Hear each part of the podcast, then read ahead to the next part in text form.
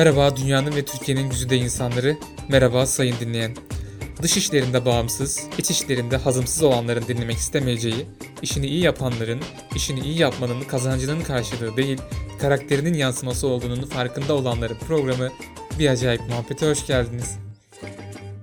Yeni bir bölümden herkese merhabalar. Bugün Emel Kelik'le beraberiz.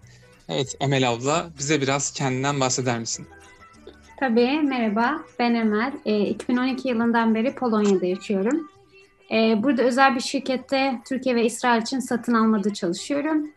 E, ve bununla birlikte aynı zamanda YouTube'a içerik üretiyorum. Kısaca bahsetmem gerekirse böyle.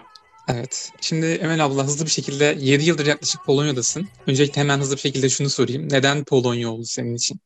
Aa, 7'den daha fazla oldu bu arada. Ama şöyle anlatayım. Neden Polonya? Ya ilk e, üniversiteyi bitirdikten sonra birkaç iş denemem oldu Türkiye'de. Sonra işte böyle istediğim gibi bir iş bulamayınca arkadaşlarım da o dönem yurt dışına çıkmaya başlamıştı. Ben de kendime bütçeme uygun bir ülke arıyordum.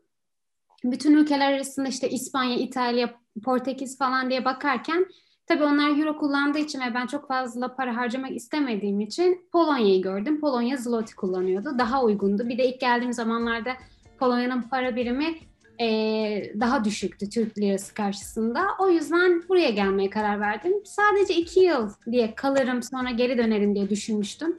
E, hem böyle bir yurt dışı tecrübem olsun hem geleyim işte dil öğreneyim gibi düşündüğüm için buraya geldim ama tabii iki yıldan daha fazla oldu. Hala buradayım.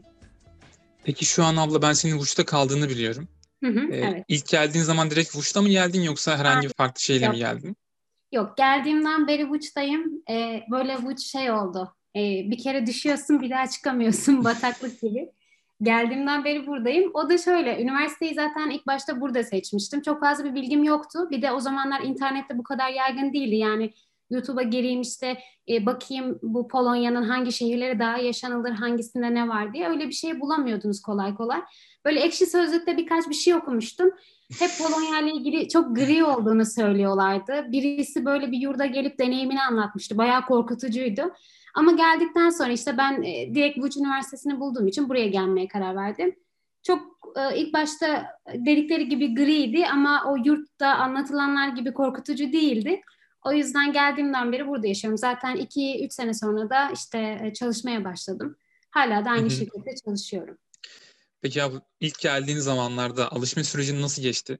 Bize biraz bu konulardan bahseder misin? Ya alışma sürecim şöyle, aslında çok zor olmadı ama bir yandan da zor oldu çünkü havası çok soğuktu. Yani 2012 yılında şu anda o kadar soğuk olmuyor. O zamanlar eksi 26'yı gördüğümü hatırlıyorum. Yani böyle dışarı çıktığım zaman yüzüm acıyordu. Yani yaşadığın bir yerin havası yüzünü acıtıyor. Öyle bir yerde.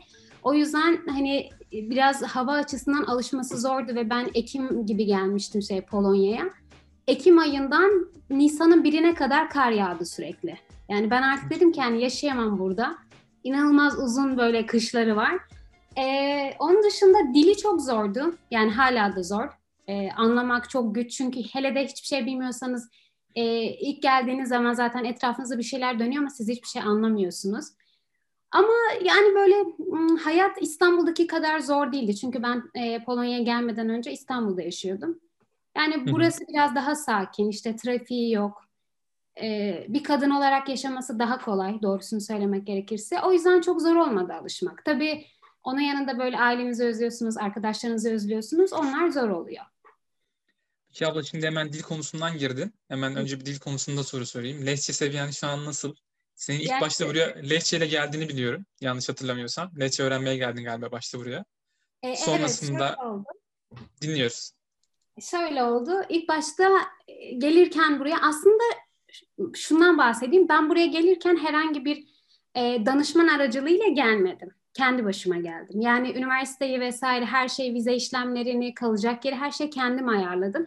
Dolayısıyla çok soru sorabileceğim birisi yoktu. E, Üniversitede de işte ilk geldiğim yıl e, lehçe öğreneyim. Hani yaşayacağım yerin işte en azından birazcık dilini bileyim diye geldim ama gelmeden önce Türkiye'de lehçe ile ilgili bir tane bile kitap yok. Hatırlıyorum böyle bir tane yayın evinin kitapları vardı. Sonradan kontrol ettiğim zaman oradaki her şey yanlış. Yani oradan öğrendiğim bir şeyle buraya geldiğin zaman hiçbir şey doğru olmuyor yani. Hepsi yanlıştı. Geldim burada e, bir 6-7 ay kadar lehçe kursuna gittim ama benim durumum şöyleydi. Ben biraz İngilizce konuşuyordum geldiğim zaman ve e, böyle çok zorlandığım zamanlarda hep İngilizceye kaçtım. E, dolayısıyla İngilizcem çok daha fazla gelişti ama lehçeyi hiç öğrenmedim. Yani öğrenmek istemedim çünkü gerçekten çok zordu. O kadar e, harcamak, emek harcamak istemedim. Bir de lehçe benim kulağıma böyle hani e, kıyaslayacak olursam Rusçadan daha iyi geliyor ama çok da böyle estetik bir dil gibi gelmediği için benim için bir çekiciliği yok. Ama tabii ki burada yaşıyorum. Hani öğrensem iyi olur muydu? Olurdu. Şöyle e, şimdi ben şeye başladım. E, üniversite e, çalıştığım şirkette dil kursuna başlamıştım lehçe. Hani biraz daha öğreneyim, gramer gelişsin vesaire diye. Ama sonra korona olunca hepimiz tabii evlere kapandık. Yani şöyle lehçeyi anlayabiliyorum. İnsanlar yavaş konuştuğu zaman ve çok ileri seviyede böyle işte tarih, edebiyat falan konuşmuyorsa günlük şeyleri anlayabiliyorum ama konuşmak konusunda hala çok gerideyim yani. O yüzden çok iyi bir lehçem var diyemem. Diğer bir sorum, Dayan'ın abla İstanbul yaşadığından bahsettin bize birazcık. Hı hı. Ee, ben aslında bir kadın olarak senin kıyaslama yapmanı istiyorum abla şu anda. Hı hı. Bir Polonya'da kadın olmak, özellikle kadın olmak kolay diye düşünüyorum Polonya'da.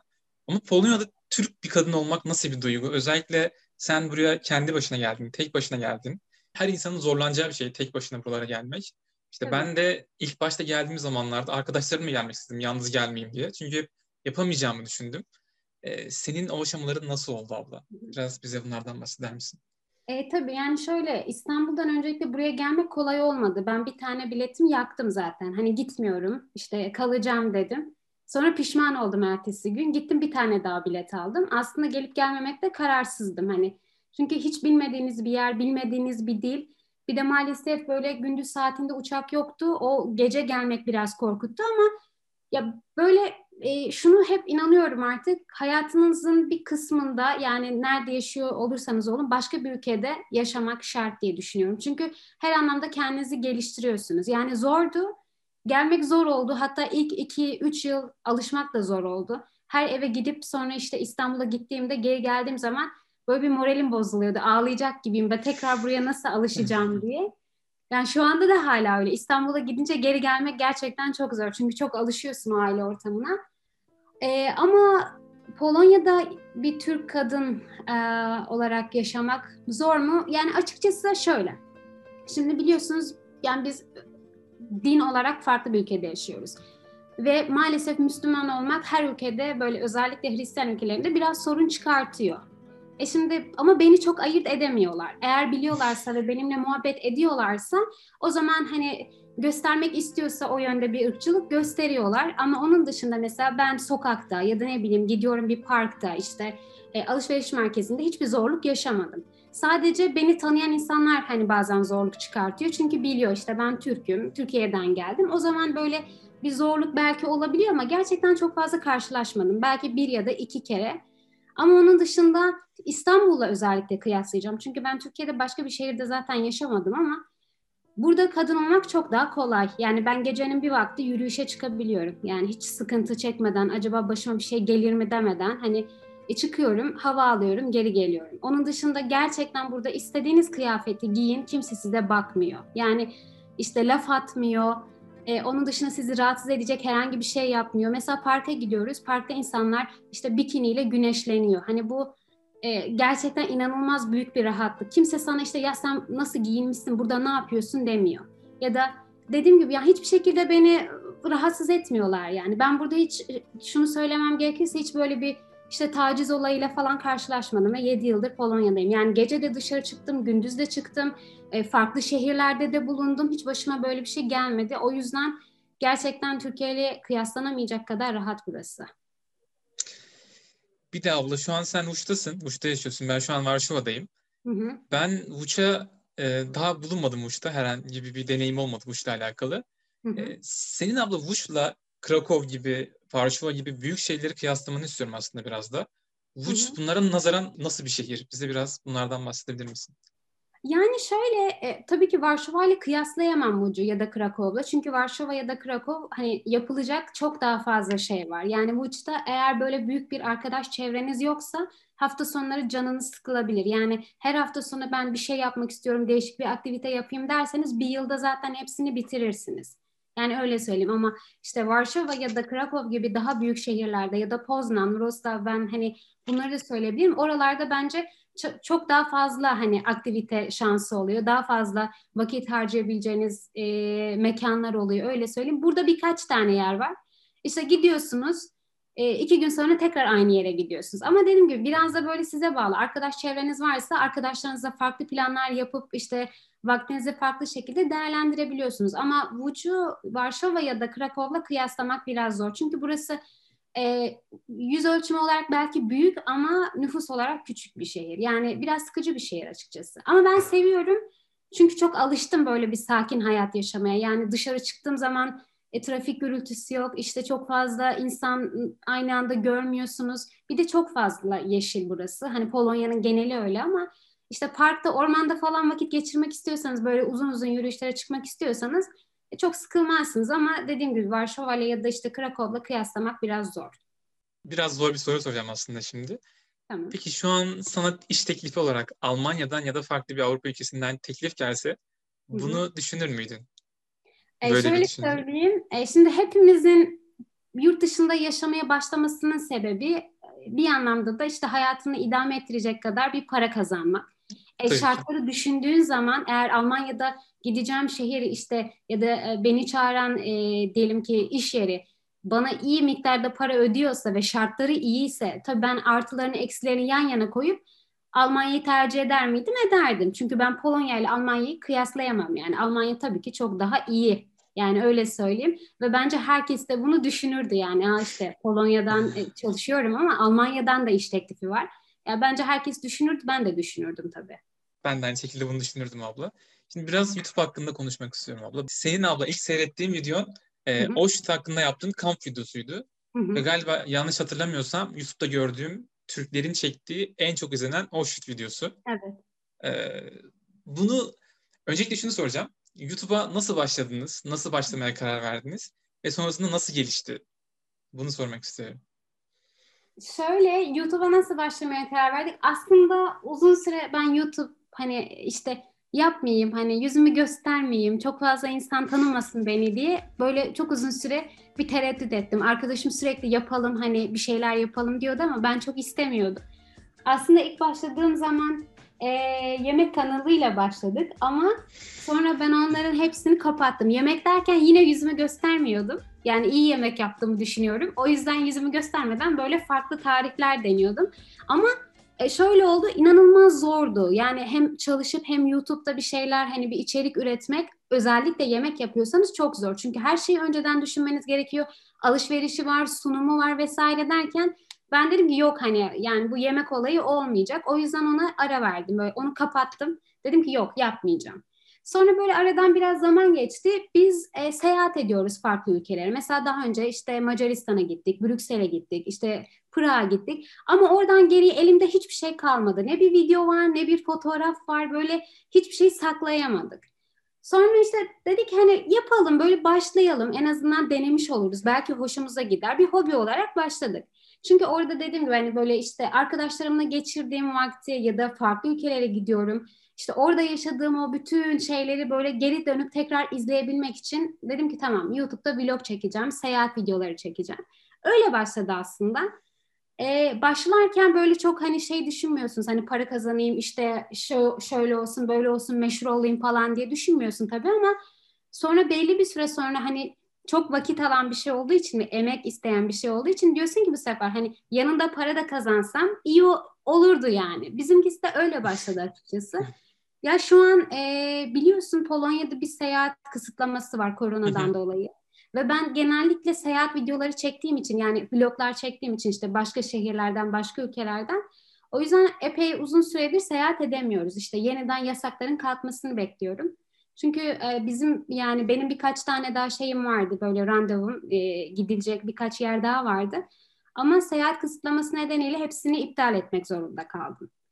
Şimdi o yüzden e, tekrar kısıtlamaların kalkmasını bekliyorum. Damla burada özellikle şunu söylemek istiyorum. Senin biraz daha ürettiğin içerikler biraz daha doğal diyeyim diğerlerine nazaran. Çünkü Polonya için konuşacak olursam özellikle işte hı hı. içerik üretenlerin çoğu işte nasıl Polonya'ya gelinir, nasıl işte oturum kartı alınır gibisinden Hani Hı hı. oturduğu yerden diyeyim biraz daha uygun olur galiba. Oturduğu yerden konuşarak video çekiyorlar.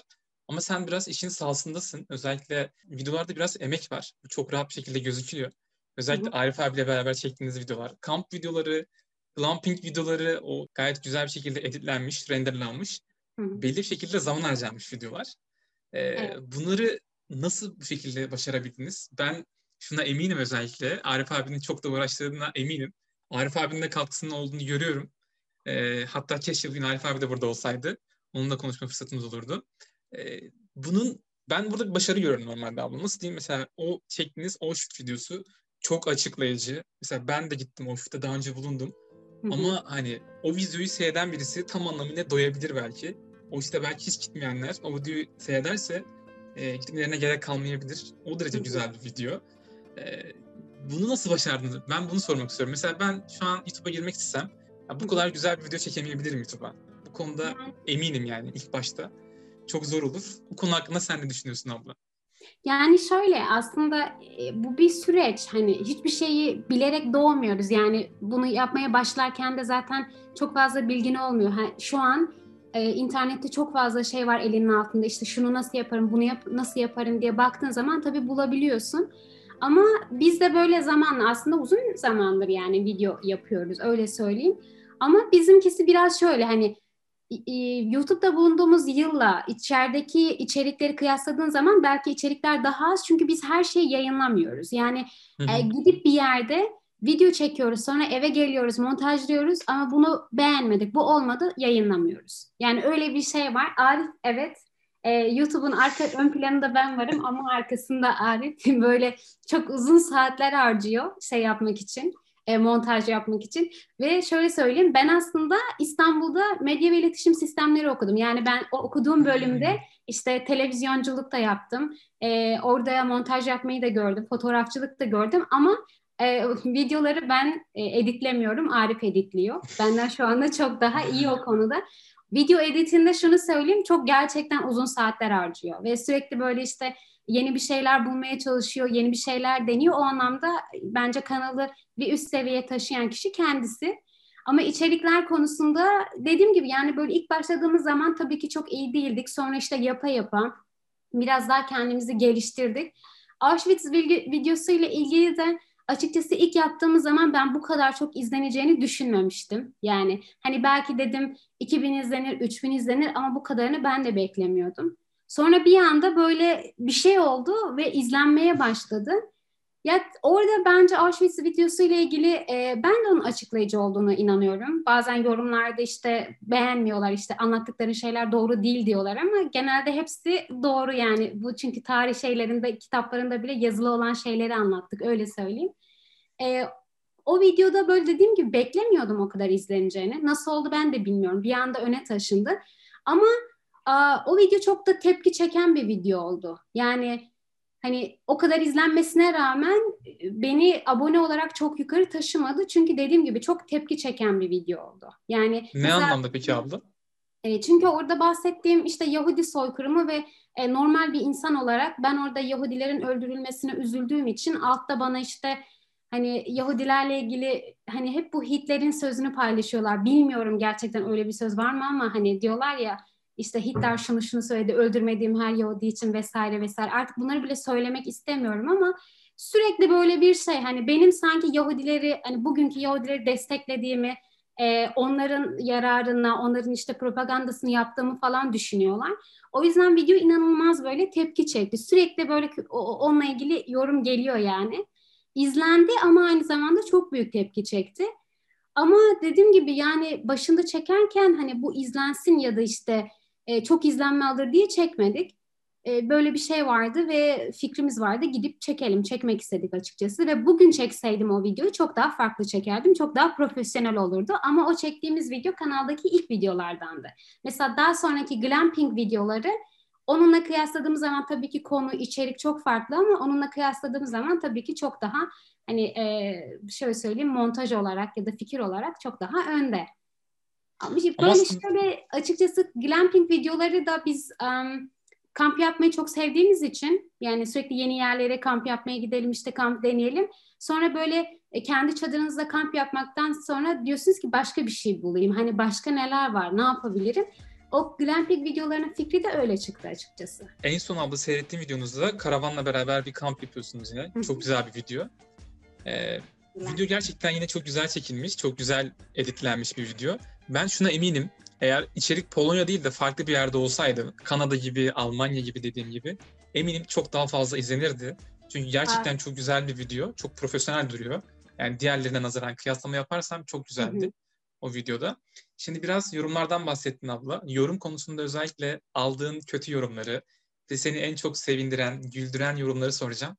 O konular hakkında ne söylemek istersin? Öncelikle şuna yorum yapayım. E, Dedin ya eğer o video Polonya değil de Kanada olsaydı çok daha fazla izlenirdi. Bunu bazen e, biz de kendi aramızda konuşuyoruz. Çünkü böyle e, bakıyorum hani gerçekten profesyonel görünüyor, iyi görünüyor. Tabii ben bunu kendi başıma yargılamıyorum. İşte arkadaşlarıma soruyorum, etraftaki insanları soruyorum. Onlar da aynı şeyi söylüyor. Ama izlenmelere baktığın zaman hani biraz daha düşük tabii ki ama dediğin gibi o da Polonya çok egzotik bir ülke değil, çok ilgi çekici bir ülke değil.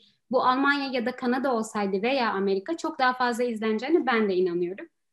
Ee, yorumlarla ilgili yani şöyle yorum yani inanılmaz fazla yorum geliyor. Bazıları böyle işte e, beni direkt aşağılayan, bazıları işte söylediğim şeylerin yalan olduğunu düşünen.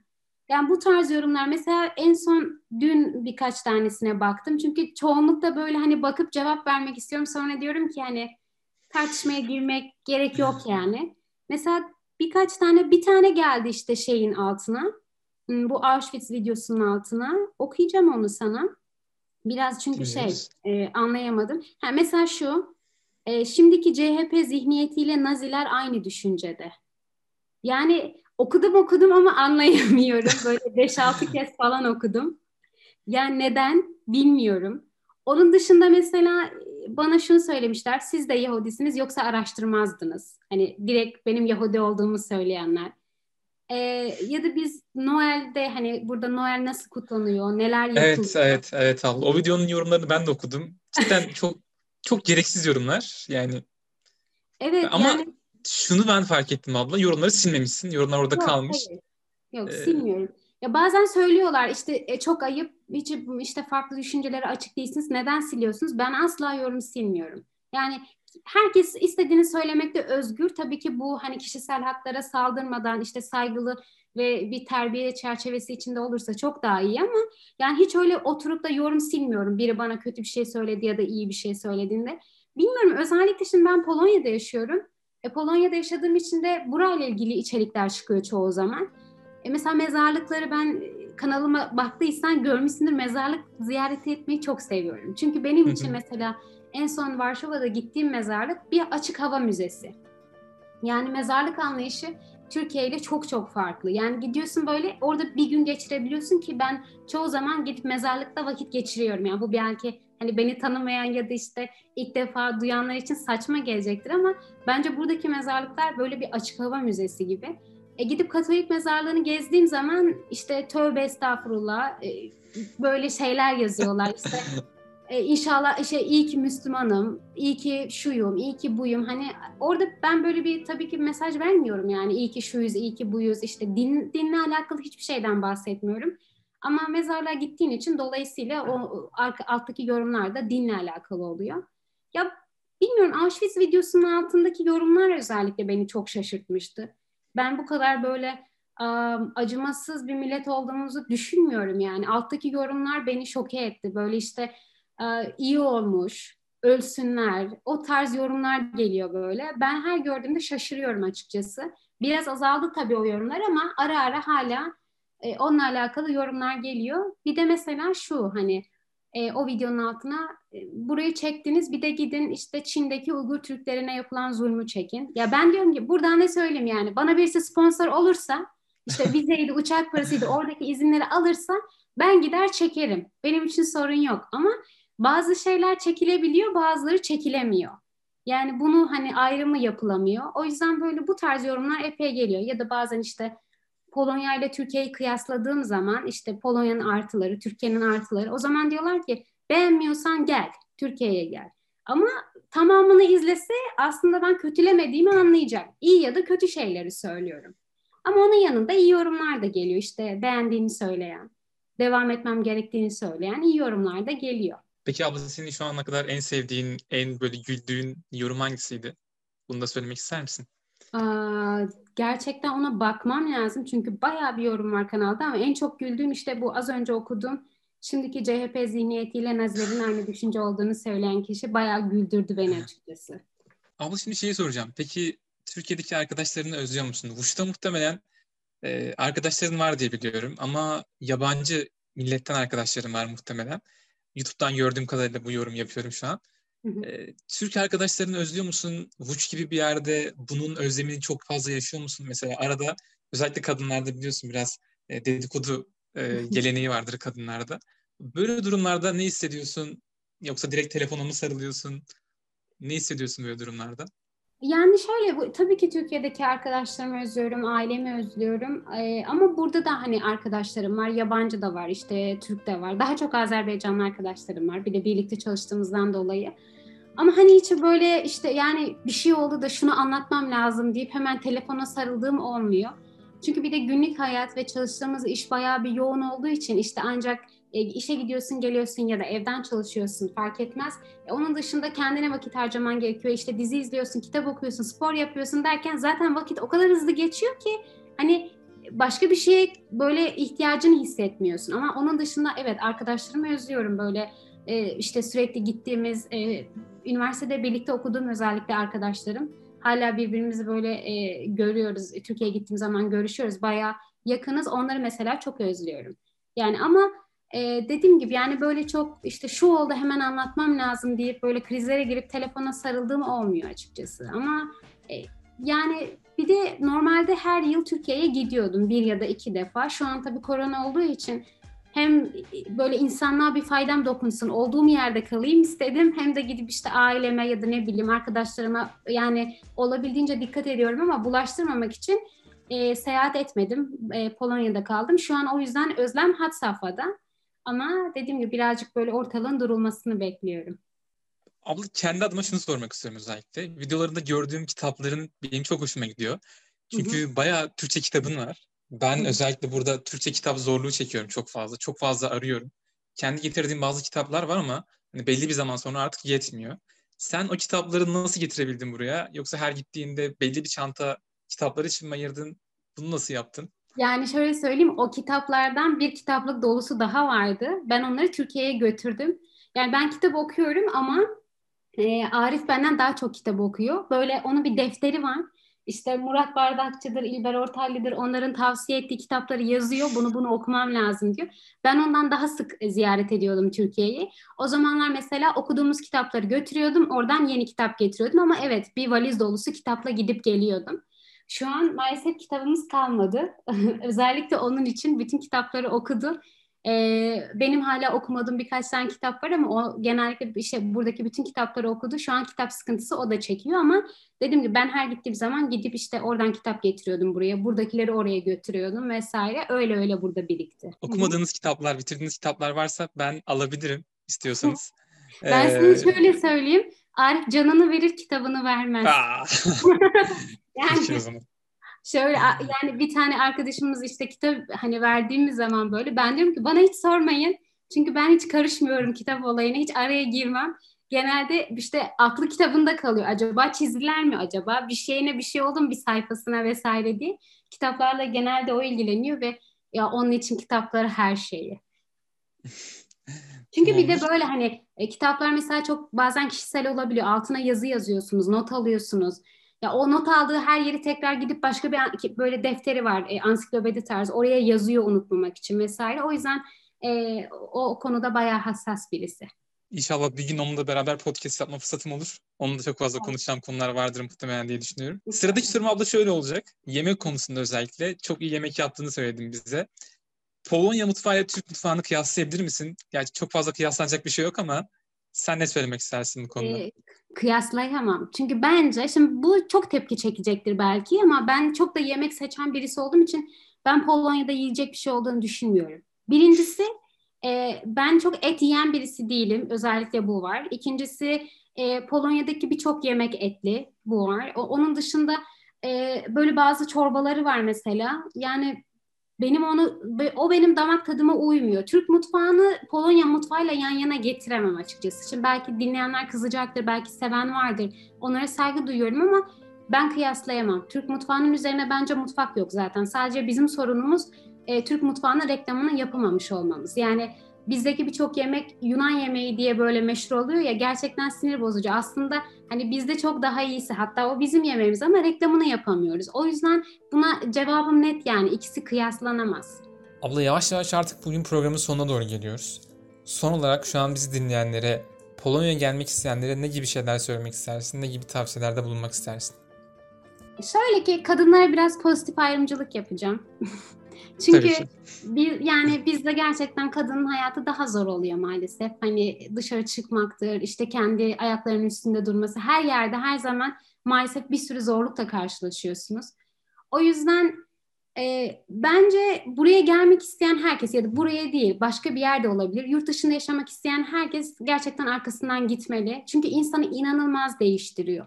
Bütün hayatınızı kendiniz idame ettiriyorsunuz. Her şey sizin elinizde oluyor. Mesela her işte düştüğünüzde koşabileceğiniz bir aileniz yok. Her şey her şeyle kendiniz ilgileniyorsunuz. O yüzden bu inanılmaz bir değer katıyor size ve büyütüyor sizi öyle söyleyeyim.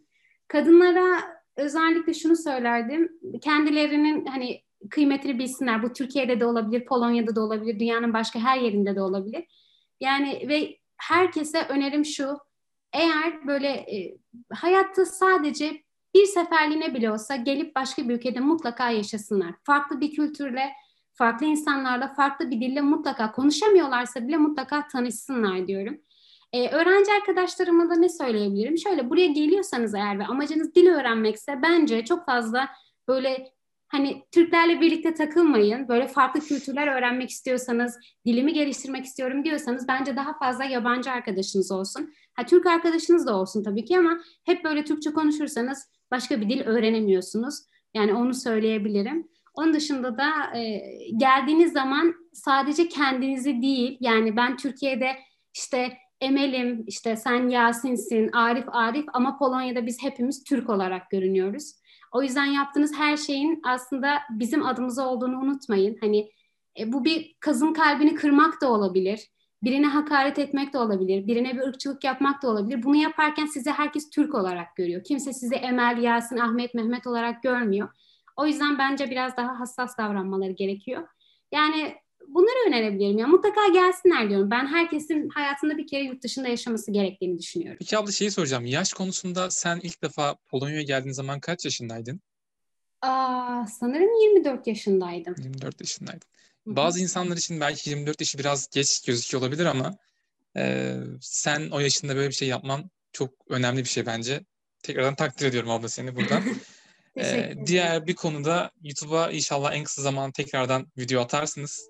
Hemen ee, şöyle söyleyeyim. Ben YouTube'da dediğim gibi biz çok seyahat ettiğimiz için e, ve senin de başında söylediğin gibi ben böyle işte vize nasıl alınır, oturum kartı nasıl alınır, işte bu şirkete nasıl başvurulur tarzı videolar çekmediğim için e, dolayısıyla seyahat kısıtlaması gelince de biz de seyahat kısıtlamasından etkilendik ve o yüzden çok fazla içerik üretemedik ve onun dışında söylediğim gibi e, onun dışında söylediğim gibi böyle hatta git, gitmemiz gereken yerleri ya da randevularımızı hani insanlığa bir faydam olsun belki hastalık azalır diye gitmemeyi tercih ettiğim için e, video çekmiyorduk ama video YouTube'u bırakmadım. Bırakmayı da hiçbir zaman düşünmüyorum. Çünkü gerçekten çok severek ve e, eğlenerek yapıyoruz. Böyle geri dönüp videolarımı izlemek, anılarımı görmek beni çok mutlu ediyor. E, onun dışında da salı günü zaten yeni bir video geliyor. E, buradan da söylemiş olayım. E, yani şu an için seyahat kısıtlaması kalkana kadar e, biraz zorlanacağız ama onun dışında tabii ki YouTube'u hiçbir zaman bırakmayı düşünmüyorum. Tamamdır abla. Çok teşekkür ediyorum bugün bizimle beraber olduğun için. Ben, ben ufak bir takipçin olarak abla sana buradan bir yorum yapmak istiyorum. Tabii. Özellikle videolarında ben kendi adıma şunu söyleyeyim. Arif abinin olduğu videolar biraz da bana eğlenceli geliyor. Ben Hı-hı. Arif abinin biraz da ekranlarda olmasını istiyorum. Tabii galiba biraz da Arif abi videoyu çeken taraf oluyor. Kendisi videoyu çekiyor.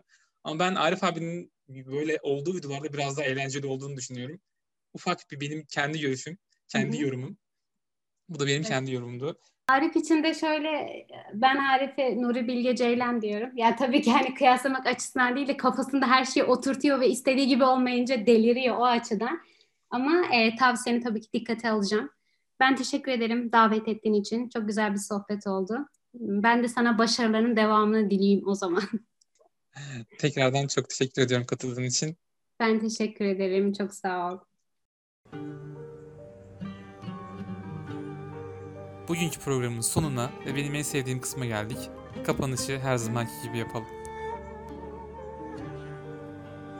Biraz yorgunum. Kavgaları birikiyor insanın. Her uzvundan ayrı ayrı taşıyor acısı zamanla. Yaşımdan yorgun, yaşımdan telaşlıyım bugünlerde. Kaç yaşındayım sahi? Saymadım, bilmiyorum. Belki kırklarımdayım, belki otuzlarımda. Belki de 90 sene yuvarlandım bu dünyanın sırtında. Hiç bilmiyorum. Hayat taviz vermediği hızı ve kavgasıyla akıp gidiyor. Baharın rayasından akıp coşan çiçeklerle hatırlıyorum eski hatıralarımı. Haftaya yeni bir programda, yeni konuğumuzla görüşmek üzere esen kalın.